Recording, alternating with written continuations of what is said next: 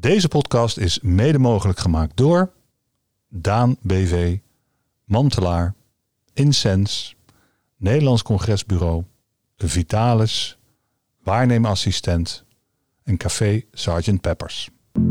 Je luistert naar de podcastserie Verhalen uit de Zorg. Bijna heel mijn werkzame leven ben ik Erik van Ronald verpleegkundige en docent verpleegkunde. En hoe leuk is het dan dat ik voor Fontis Mens en Gezondheid een serie afleveringen maak met als thema Verhalen uit de Zorg. Verhalen vanuit het perspectief van de zorgvrager of van de zorgverlener of vanuit een andere invalshoek. En soms is het zelfs een mix. De zorg staat in deze serie in ieder geval centraal en zo hoort het ook. In aflevering 15 alweer ga ik in gesprek met het bestuur van studievereniging PRIK met CK. En in deze aflevering gaan we praten over de kwetsbare kant van de zorg. Want hoe mooi en dankbaar het werk in de zorg ook is, er zitten ook moeilijke momenten tussen. Naomi vertelt haar eerste ervaring met een overleden patiënt. Want staan we wel genoeg stil bij dat feit en hoe wij als ons verpleegkundige dan moeten gedragen? En wat doet dat met ons als verpleegkundige? Het is van Naomi een moment geweest die ze niet meer vergeet. Ook gaan we luisteren naar hoe Elle 2,5 jaar geleden plotseling mantelzorger is geworden van haar vader met een zeldzaam hersenvirus. Want hoe blijf je in de rol van dochter als je de kennis en ervaring hebt van een verpleegkundige? En Brit deelt haar eerste ervaringen op de operatiekamer. Een van de eerste operaties die zij bijwoonde was ten gevolge van een auto-ongeluk. Wat doet dit met je als je je eigen zus op deze manier hebt verloren? Welkom bij Verhalen uit de Zorg.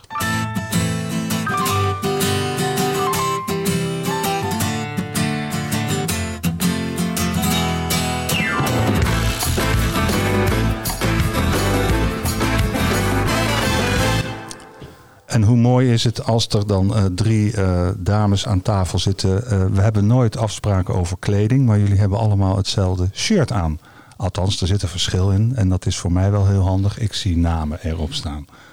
Welkom in ieder geval aan tafel en dat jullie jullie verhaal willen gaan delen met de rest van de wereld. Maar eerst misschien goed voor de luisteraars om te weten wie dat er allemaal aan tafel zitten. Want ik kan wel zien wie er zitten, maar we hebben jullie stemmen nog niet gehoord. Ja, ik zal maar beginnen. ik ben Naomi. Uh, ik ben uh, dit jaar de secretaris van de vereniging. Uh, ik ben pas het tweede jaar eigenlijk lid bij PRIK. Ik ben ingestroomd sinds vorig jaar op de Fontis. Um, maar ja, het is nu al geweldig om al ja, een deel uit te mogen maken van de vereniging op zo'n ja, op zo'n manier. En wat maakt het geweldig? toch wel dat je een connectie hebt en vrienden hebt op school, maar ook buiten school ja, je hebt eigenlijk altijd wel mensen hier op school die je kan aanspreken. Je kan vragen stellen aan ouderejaars. Um, maar ook nu als je bestuur bent, uh, ja, je hebt gewoon heel veel connecties. Uh, ja, weet niet. Het is gewoon heel erg leuk, gezellig. Super gaaf. Super gaaf. Rutte zeggen. Ja. Elle? Ja, ik ben Elle. Ik uh, heb dit jaar de eer gekregen om ook deel mogen uit te maken van bestuur. Dit jaar heb ik de rol als voorzitter en commissaris, externe zaken. Ik hou me dus eigenlijk bezig met de sponsoren en de partners. Uh, hele mooie kans om dus meteen ook een groot netwerk op te doen met allerlei organisaties. Um, dus ja, eigenlijk vind ik studievereniging Prik een hele mooie kans om naast alle leuke borrels, leuke mensen ook uh, ja, aan je persoonlijke ontwikkeling te werken. Vorig jaar heb ik uh, in de introcommissie gezeten en dit jaar dan bestuur. Dus naast de gezelligheid uh, ook de serieuze dingen. Ambitieus. En waarom is het een eer voor jou? Uh, ja, je mag toch een studievereniging vertegenwoordigen.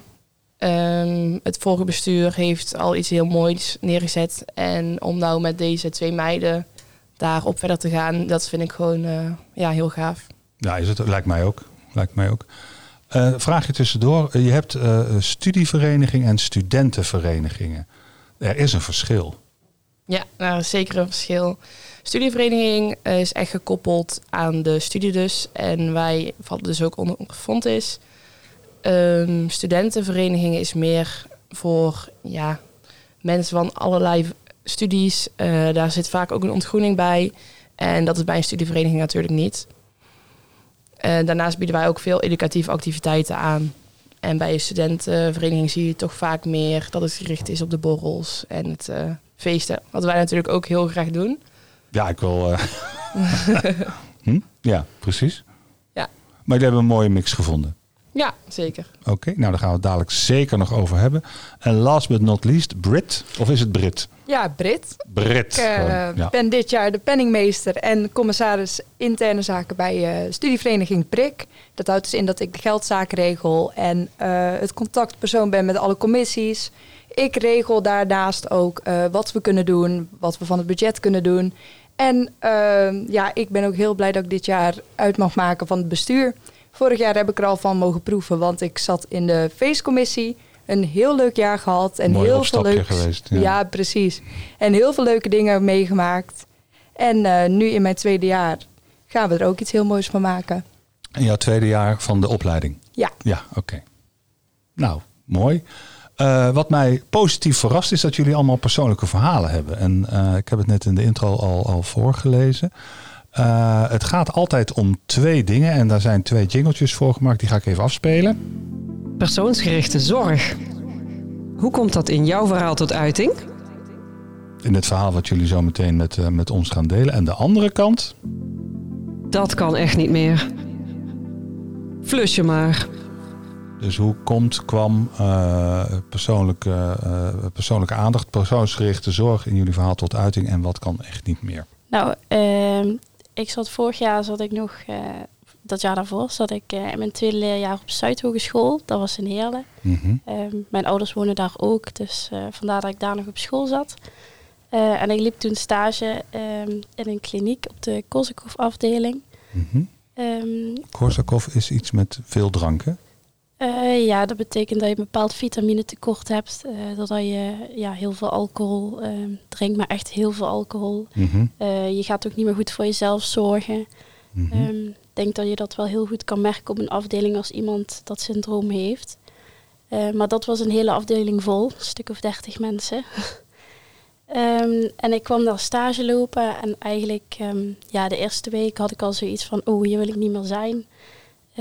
Ja, lastige karakters, maar ook ehm, de zorgmedewerkers waren best wel hard tegenover de mensen.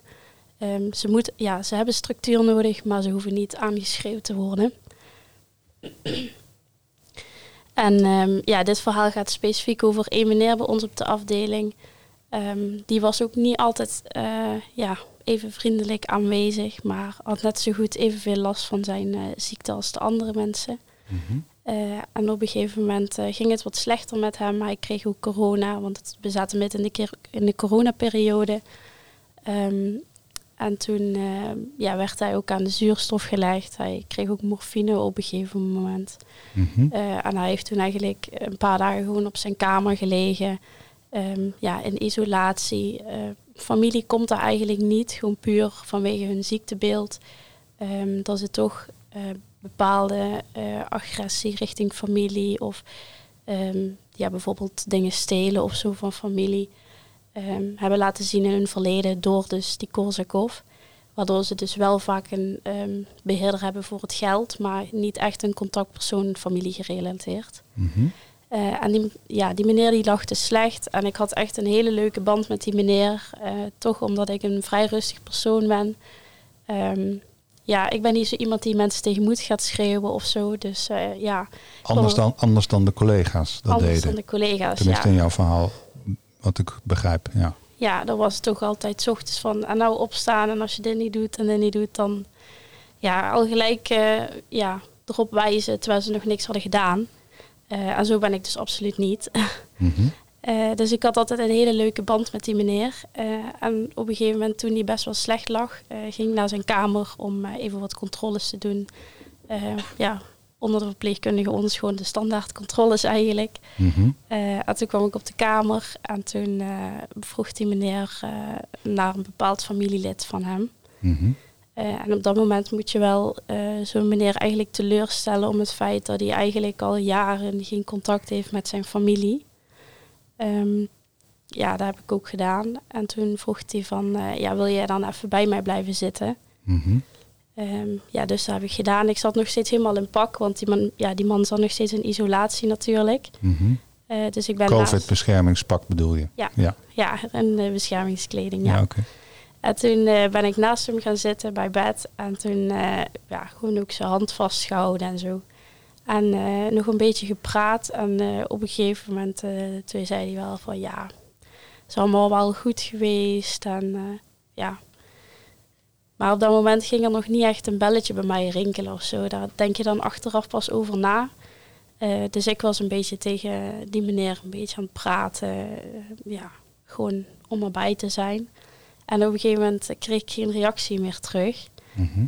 Dus eh, ja, ik schrok mij, eh, ik schrok mij helemaal de pleuris eigenlijk. Ja, dat kan ik me voorstellen. Dus eh, ik ja, aan zijn pols voelen, bij zijn hals. Ja, overal waar je een hartslag kan voelen, daar zat ik volgens mij. Hm. En met dat hele COVID-pak ook alles uitgetrokken. Echt met mijn oren gewoon op de hart gaan liggen, zeg maar, op de borst. Mhm. Ehm, en toen zagen collega's al bij de beelden, zeg maar, eh, dat ik aan het ijsberen was zonder pak op die kamer. En toen Mhm. eh, hebben ze mij van die kamer afgehaald. Er stonden videocamera's.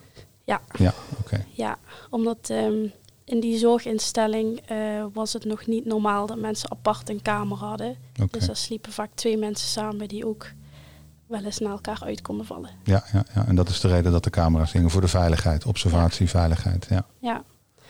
Ja, en op dat moment werd ik eh, uit de kamer gehaald. Ja, die meneer was natuurlijk overleden. Maar dat was wel een meneer die mij echt heel lang eh, bij is gebleven. Toch wel omdat ik een van de weinigen was die eh, zijn zorg alleen deed. Omdat hij eigenlijk nooit richting mij agressief is geweest of zo. Dus Nee, nee. ja. Ja, dus dat. Maar dat, dat doet wel heel veel met je, ook als student zijnde, zeg maar. Heb je erover kunnen praten? Heb je het met iemand kunnen delen? Hoe, hoe, heb je, hoe ben je ermee omgegaan daarna? Op dat moment en daarna? Ehm, op dat moment ehm, heb ik eigenlijk met de verpleegkundige gezeten. Ehm, en achteraf ja, ook met de psycholoog Mhm, van die instelling, zeg maar. mhm. Eh, en erover gepraat, eh, over wat ik nog nodig zou hebben eventueel na die dagen. Mhm. Ehm, maar eigenlijk is het bij mij vrij snel wel gewoon gezakt. Eh, het- Wat is gezakt? Ehm, ja, het feit dat ik me toch eh, schuldig voelde, omdat je niet echt, ja, ik had eigenlijk iets kunnen doen misschien, waardoor die niet was gegaan, als ik Mhm. het eerder had opgemerkt of zo. Ehm, maar aan de andere kant heb ik het ook gewoon kunnen laten liggen, omdat ik dacht, was, hij heeft wel laten horen dat het ook goed was. Ja. Dus nou ja, het heeft even geduurd, maar ja, het is voor mij wel gewoon goed kunnen zakken. Maar achteraf besef je wel als student verpleegkunde dat er wel ineens heel veel is achter elkaar. ja. Ja. Heb je, heb je dit verhaal ook gedeeld met, eh, met medestudenten, met, eh, met docenten binnen jouw opleiding? Eh, ja, dat was wel nog op uh, Zuidhogeschool. En Mhm. toen heb ik dit wel gedeeld, ook ehm, ja, met een intervisie. Oké. Ja. En, en hoe, hoe vond je dat? Ehm, ja, je krijgt ineens wel met een intervisie natuurlijk heel veel vragen op je, afges ja, op je af. Mhm. Ehm, dus eh, dat was wel eh, ja, even veel nadenken over de situatie, terwijl je het eigenlijk gewoon wil laten liggen. Maar achteraf was het wel een mooie intervisie om het af te sluiten. Ja. Ja. En nu? En nu eh, kijk ik eigenlijk alleen maar terug op het moment dat iemand mij vertrouwde om eh, te gaan in mijn aanwezigheid.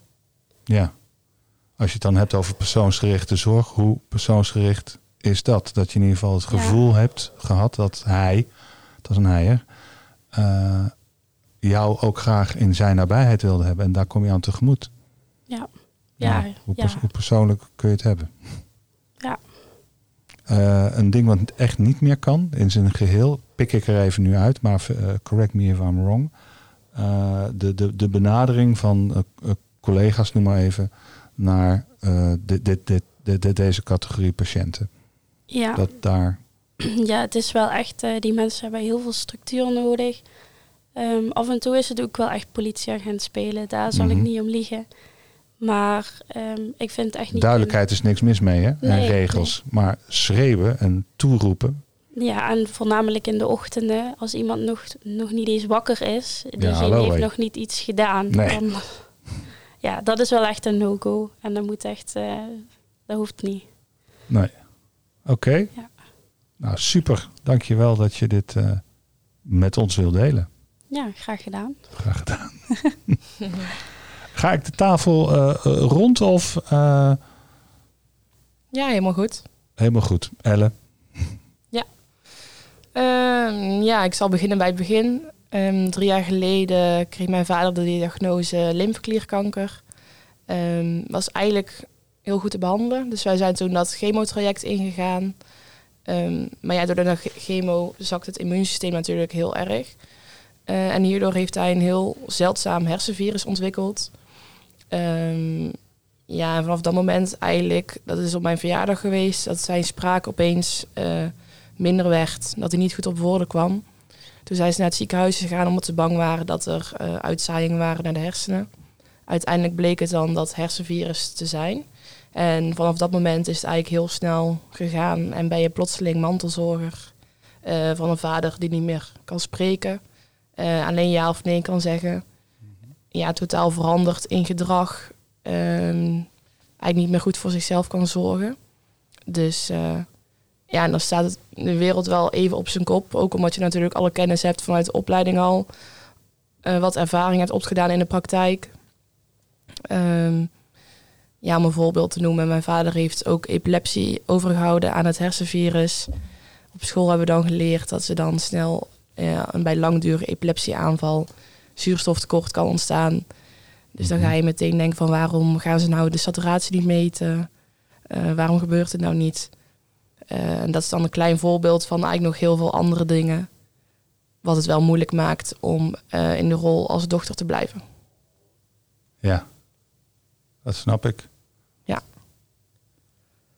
En hoe heb je die rol weer heropgepakt? Want je bent nog steeds Ehm. dochter en je bent lerend voor verpleegkundige. Dus je hebt inderdaad heel veel kennis. Maar hoe heb je die rol als dochter weer opgepakt? Vind ik nog steeds wel heel moeilijk. Zeker omdat eh, hij nu ook in een rolstoel zit. Dus ik help regelmatig mee met de zorg. Dus het is eigenlijk ook wel apart dat je eigen vader aan het wassen bent. Mhm. Maar ehm, gewoon door vooral ook leuke dingen te blijven doen met elkaar. Eh, herinneringen ophalen, oude foto's terugkijken. En dat helpt me wel heel erg.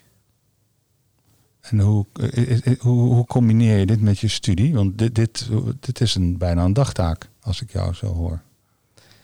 Eh, ja, gelukkig heb ik een hele lieve moeder die echt heel goed voor mijn vader zorgt. Ehm, ja, dat heeft ze echt 2,5 jaar heel goed gedaan. Nou is hij eh, vorige week tijdelijk naar een verpleeghuis opgenomen worden voor een observatie eh, van zes maanden om te kijken waar zijn gedrag vandaan komt. Omdat het natuurlijk ook ja, door alle hersenschade compleet is eh, veranderd. Mhm. Eh, maar gelukkig, eh, ja, ik heb een broer en een zus. Ehm, een tante en oom, die staan ook altijd voor mijn vader klaar. Dus we hebben wel een heel mooi schema. En mijn ouders vinden het ook heel belangrijk dat ik mijn eigen leven blijf behouden. Leuke dingen blijf doen. Dus wat dat betreft is het wel goed te combineren. Maar het is natuurlijk wel druk en zwaar.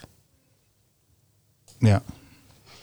Is, is er iets waarvan je zegt van, eh, want dit, als je het hebt over persoonsgerichtheid, nou daar hoeven we het nog niet eens over te hebben.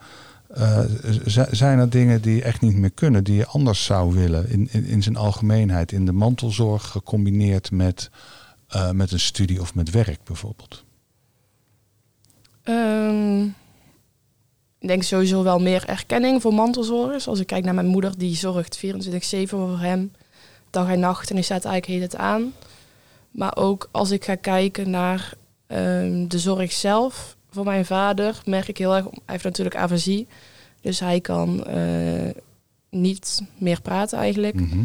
Ik merk heel snel dat zorgverleners in een gesprek over mijn vader gaan praten waar hij bij zit. Dus naar mijn moeder toe. En dat geeft echt ontzettend veel frustratie bij mijn vader, wat ik logisch vind. Dus ehm, ja, als ik zorgverleners iets zou willen meegeven in de omgang met mensen met afasie, ga niet over ze praten waar ze bij zitten, maar spreek tegen eh, de persoon zelf. Ja. Ja. Duidelijk. Mooi. Ja. Dankjewel. Brit.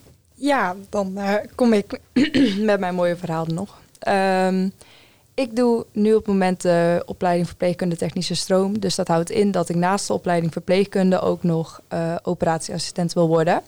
En in het eerste jaar ga je dan natuurlijk op stage. En daar word je voor voorbereid. En ehm, eigenlijk is het doel van die stage om te bekijken... is de operatiekamer nou echt wel iets voor jou? En eh, op school heb je daar natuurlijk heel veel over. En krijg je hele goede voorbereiding op de, ehm, ja, op de operatiekamer. Maar ehm, als je op de operatiekamer staat, dan is dat eigenlijk een hele grote klap van realiteit in je gezicht, zeg maar. Want je kan natuurlijk alles wel van buiten horen, maar als je het zelf meemaakt, is het natuurlijk heel anders. En dit kwam bij mij vooral binnen toen ehm, er een patiënt bij mij op de OK binnenkwam. Dit was een, uh, ja, een jonge man van 14 jaar en uh, die was aangereden. En die had een heel uh, ernstig trauma. En dat kwam bij mij echt als een blok binnen. En ik verstijfde daardoor, omdat ik dit zelf ook heb meegemaakt. Um, ik ben mijn zus hieraan verloren. Ik, ben, um, ik heb heel dat proces natuurlijk meegekregen vanuit mijn persoonlijke perspectief. Dus um, als dat ineens op een operatiekamer binnenkomt, is dat natuurlijk heel erg schrikken. En je denkt wel dat je erop voorbereid bent en dat je er wel mee kan omgaan. Maar ja, als je dat ineens toch op je bord krijgt, dan is dat toch wel heel anders. En dat is natuurlijk ook wel een van de, um, de leukere dingen op de operatiekamer, omdat je nooit weet wat er aankomt. Maar ook wel weer een uh, puntje realiteit dat je eigenlijk jezelf nooit erop kan voorbereiden. In de diensten bedoel je, denk ik. Ja, precies. Ja, want anders bij een electieve ingreep kun je natuurlijk. Mm -hmm. hoe, hoe, hoe, kun je hier, je, je, zei tussen neus en lippen door, hier heb je je natuurlijk wel op voorbereid, maar hoe kun je je hierop voorbereiden?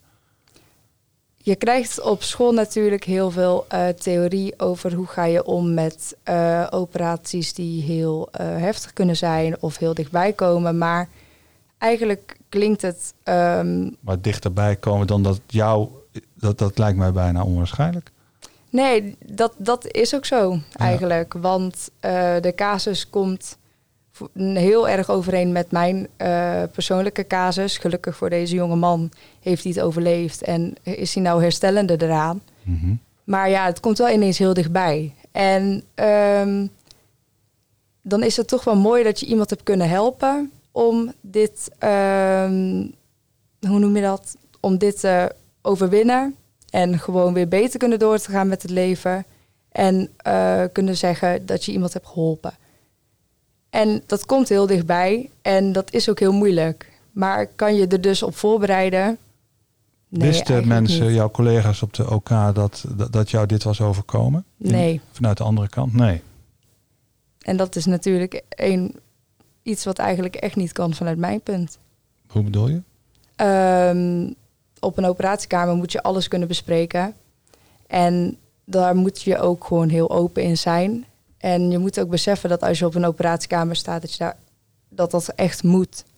En dat ben ik toen niet geweest. En daardoor kwam dit ook als een hele klap voor mij. Oké, okay. nu weten ze het inmiddels wel. Ja, zeker. Hoe, hoe is dat gegaan, dat proces? Um, naderhand ben ik naar mijn stagebegeleider gelopen en ik zei... Um, de casus die nou net op de OK is gekomen, dat, dat, ja, dat vreet wel aan mij. En toen werd mij natuurlijk gevraagd, wat is er aan de hand?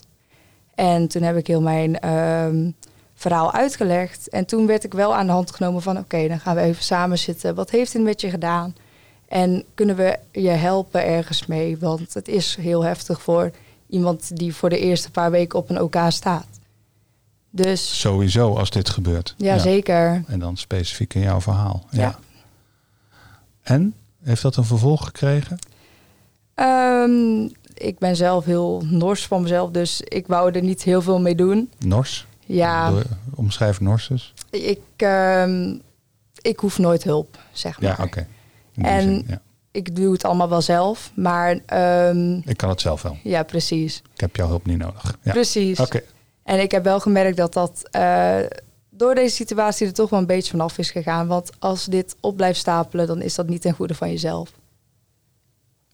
En opstapelen betekent?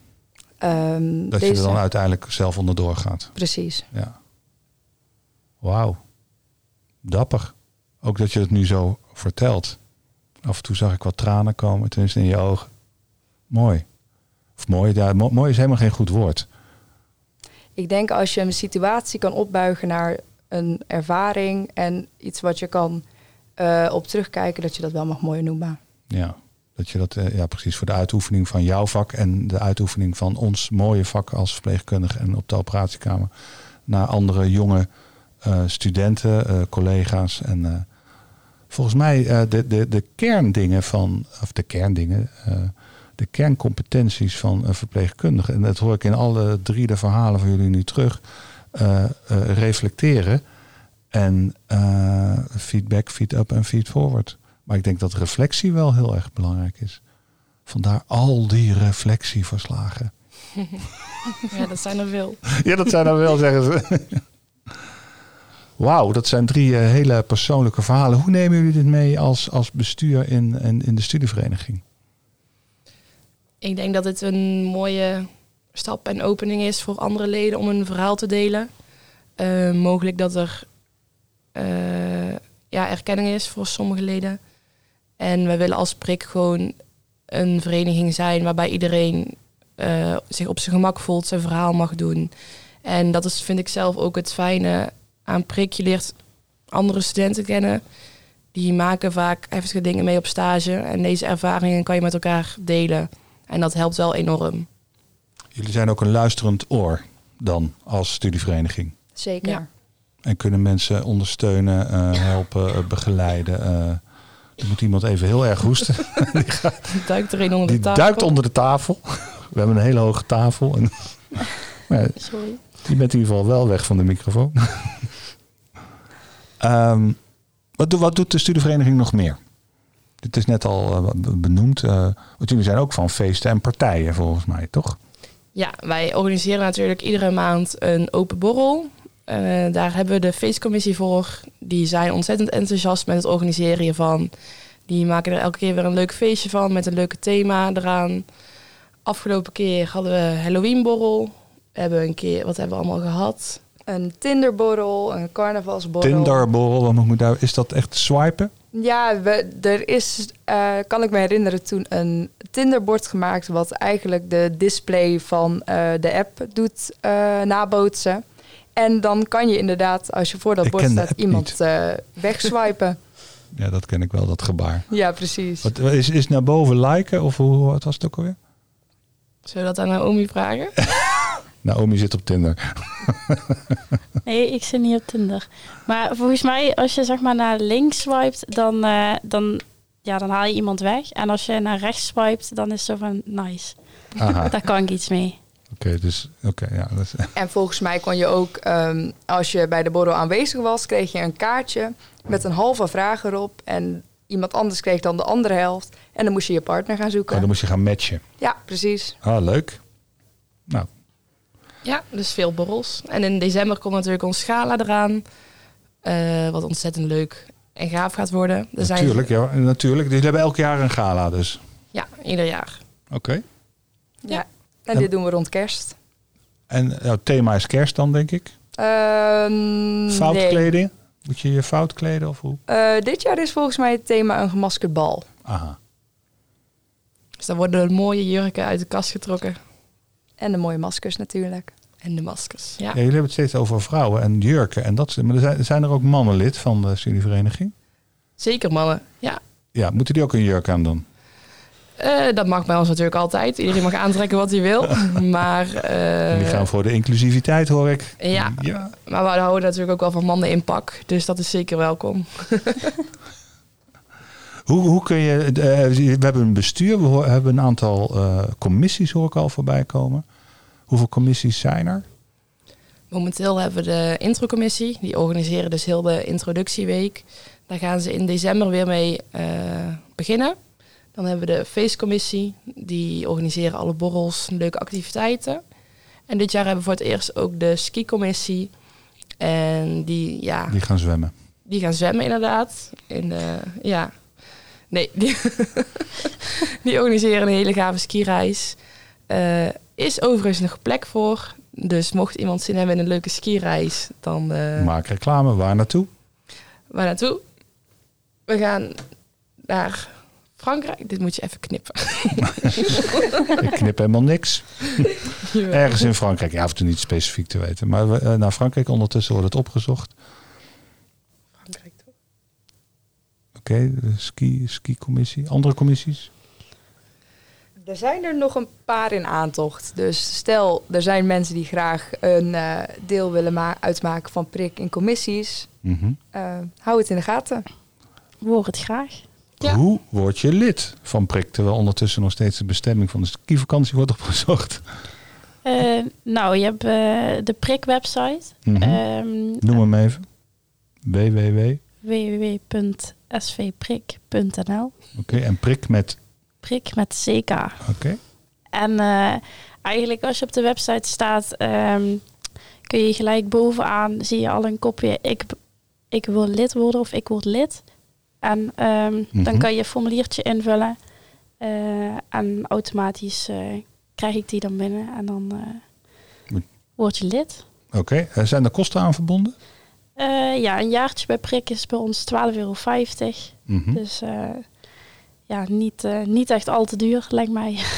En het compleet waard. Want je krijgt Ja. er heel veel leuke Nou, activiteiten wat ik jullie hoor, terug. want die activiteiten zijn allemaal eh, gratis eh, dan eh, toegankelijk. Of hoe moet ik Ja, dat voor zien? leden willen we eh, veel activiteit gratis doen. En Mhm. voor niet-leden zal er vaak een kleine bijdrage zijn. Bijvoorbeeld voor het kerstgala is er ook voor leden een goedkopere prijs als voor niet-leden. Dus alleen maar meer redenen om je aan te melden. Oké. En hoeveel leden hebben jullie? We zitten momenteel op 143 leden. Oké, van de hoeveel studenten hebben we hier? Dat moet jij weten. Ja, dat, Dat moet ik weten. Oh, dan, ja. volgens mij hebben we iets van 1100, 1200 studenten. Dus er, er is nog ruimte genoeg, denk ik. Er Ja, is nog zeker. zat ruimte. Ah. Maar eh, er komen elke week komen er altijd wel eh, wat nieuwe mensen bij. Mhm. Dus eh, sowieso eh, bij prik komen. Altijd gezellig. Altijd gezellig. en niet alleen gezellig. ook heel educatief. ja.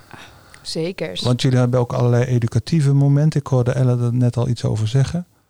Ja, zeker. Eh, naast de gezellige borrels zijn er natuurlijk ook al serieuze activiteiten. Vorig jaar hebben we bijvoorbeeld een seksoloog laten komen. Dit jaar zijn we bezig om iets heel leuks neer te gaan zetten met ene Erik van Roon. Ehm, dus dat gaat heel leuk worden. Met mij? Nee, met Erik van Roon. Ja, dat ben ik. ik weet van niks. Oh, nou, bij deze.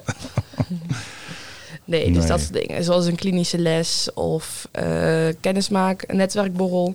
Zijn we bezig om kennis te maken met onze sponsoren. En daarmee ja, een mooie opstap voor na het afronden van je studie. Je, Ehm, je mag de sponsoren noemen. nou, onze hoofdsponsor is Daan BV. En Daan BV heeft eigenlijk verschillende vacatures die wij promoten op onze social media's. Ehm, die, ja, mooie bijbanen voor in de zorg, bijvoorbeeld ook bij Mantelaar. Ehm, Ja, Peppers, onze stamkroeg natuurlijk. Eh, zo hebben we nog veel meer sponsoren. Ja, onder Incest- Peppers Belgisch Biercafé hebben we ook nog waar we mijn sponsor zijn. Incense Healthcare, die zorgt eigenlijk voor het welzijn van eh, de zorgverleners. Is natuurlijk ook een mooie organisatie. Ehm, verder, FMG zelf. Krijgen jullie ook een financiële tegemoetkoming van FMG? Volgens mij zijn wij sinds een, durf ik niet te zeggen, een aparte studievereniging los van de Fond is geworden. Oké. Maar daar moet ik het even om liegen. Nou, dat gaan we in ieder geval uitzoeken. Anders is het denk ik voor eh Fontes Mens en Gezondheid zeker de moeite waard om... eh, want het is niet alleen feesten en, eh, en, feesten en partijen. Die doen ook nog veel meer. Ja, zeker. Nou, daar gaan we eens even eh, gaan we een beetje voor lobbyen. gaan we onderhandelen. Dat doen we wel samen dan, hè? Ja. Oké, nou, deal. nou, Britt weet inmiddels waar de skireis naartoe gaat. Ja, ik zie, Moet je wel in de microfoon praten? ik zie dat we van eh 9 tot 13 februari naar Rizoul gaan. En dit belooft natuurlijk een hele leuke reis te worden. Met heel veel prikleden, met heel veel skiën en met heel veel bier. Nou, ja, moet toch weer even genoemd worden. Eh, waar ligt dat? Wel in Frankrijk? Volgens mij wel. Rizoul klinkt, ja, dat kan. Ik, ben, ik ga nooit op skivakantie. Nou goed, dat is een heel ander verhaal. Eh, ik heb iets anders. Muzikale zorgherinnering. Benieuwd naar jouw koppeling van een zorgmoment aan muziek? Of andersom, zoals jij wil. Ik vraag altijd eh, aan, eh, aan de gasten of dat ze een leuk muziekfragment mee willen nemen. En jullie hebben een hele bijzondere meegenomen. Ja, wij hebben ehm, in leerjaar, moet ik even goed zeggen, 2021 heeft onze borrelcommissie toen de tijd een eh, lied geschreven over verpleegkunde. Dit Mhm. hebben ze gedaan om eh, de verpleegkundigen een hart on- onder de riem te steken of Want wat was er toen ook alweer aan de hand? corona. Oh ja, corona. Ik Heel was het veel alweer corona. vergeten, joh. Ja. Dus- Corona. Dus tijdens coronatijden bleven ze ook niet stilzitten en hebben ze een heel geweldig lied eigenlijk in elkaar geflanst. En Geflanst. Een heel geweldig lied in elkaar geflanst. ja, en eh, daar zijn we heel trots op als eh, vereniging. En hoe vaak wordt die gedaan. gedraaid? Staat die elke dag aan bijvoorbeeld? Nou, niet elke dag, maar we proberen wel op elke activiteit die er is hem een keertje af te spelen. Want we kunnen dit natuurlijk niet, niet gebruiken. Niet niet gebruiken. En wie heeft, eh, wie- zijn er specifieke zangers of is het een artiest of wie is het? Ja, het lied is eh, ingezongen door zanger Rens. En eh, toen de tijd in de feestcommissie zaten Jelle, Aniek, Anouk en Sandra die dit hebben geregeld. Ines heeft het geregeld. Dus ehm, heel erg bedankt naar deze mensen. En als ik er nog iemand ben vergeten, sorry hiervoor. Maar alsnog heel erg bedankt. Ik heb hier staan zanger Rens en borrelcommissies. Borrel, oh, sorry, eh, herstel. Zanger Rens en borrelcommissie. Studievereniging Prik, broeder aan zuster. En omdat het eh, van ons zelf is, van jullie zelf is, is het dan, eh, betekent ook dat we hem helemaal kunnen draaien. Nou, hoe leuk is dat? Komt die.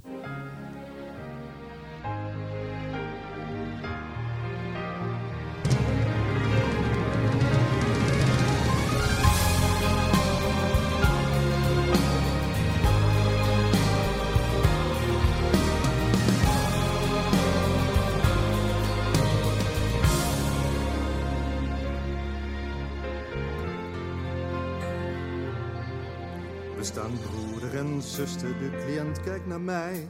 De spuit in haar arm doet alles voor mij. De wereld ligt open, banen genoeg. Wie bang is voor bloed, die wordt hier niet goed.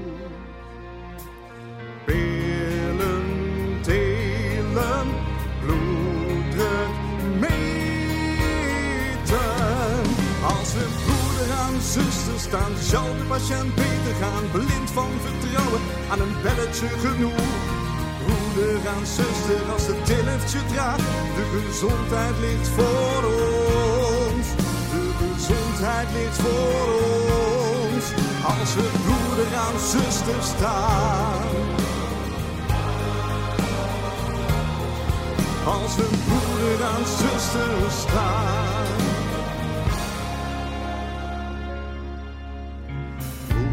Zuster in hetzelfde park, in dezelfde klomp, met hetzelfde hart. Wat er gebeurt, alles kunnen we aan, zolang we maar broeder aan zuster staan. Delen, delen, bloeddruk meten. Als we broeder aan zuster staan, zal de patiënt aan een belletje genoeg. Broeder aan zuster, als het tilliftje draagt. De gezondheid ligt voor ons. De gezondheid ligt voor ons. Als we broeder aan zuster staan. Als we broeder aan zuster staan. Als we broeder aan zuster staan. Hetzelfde park. Delen, delen, bloeddruk meten. Als we broeder aan zuster staan, zal de patiënt beter gaan. Blind van vertrouwen, aan een belletje genoeg. Broeder aan zuster, als het tilliftje draagt. De gezondheid ligt voor ons. De gezondheid ligt voor ons. Aan zuster staan. Als we broeder aan zuster staan. Als we broeder aan zuster staan.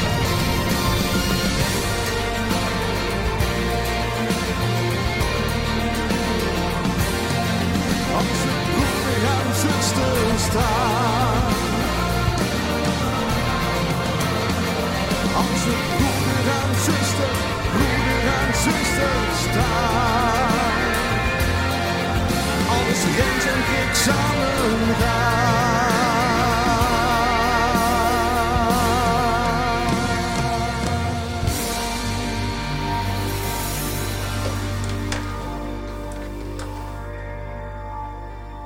Broeder aan zuster, zanger Rens. En de tekst is eh, volledig voor rekening van eh, leden borrelcommissie eh, studievereniging Prik. Een twee, drietal jaar geleden is dat eh, gemaakt. Wil jij wel gaan applaudisseren, Elle?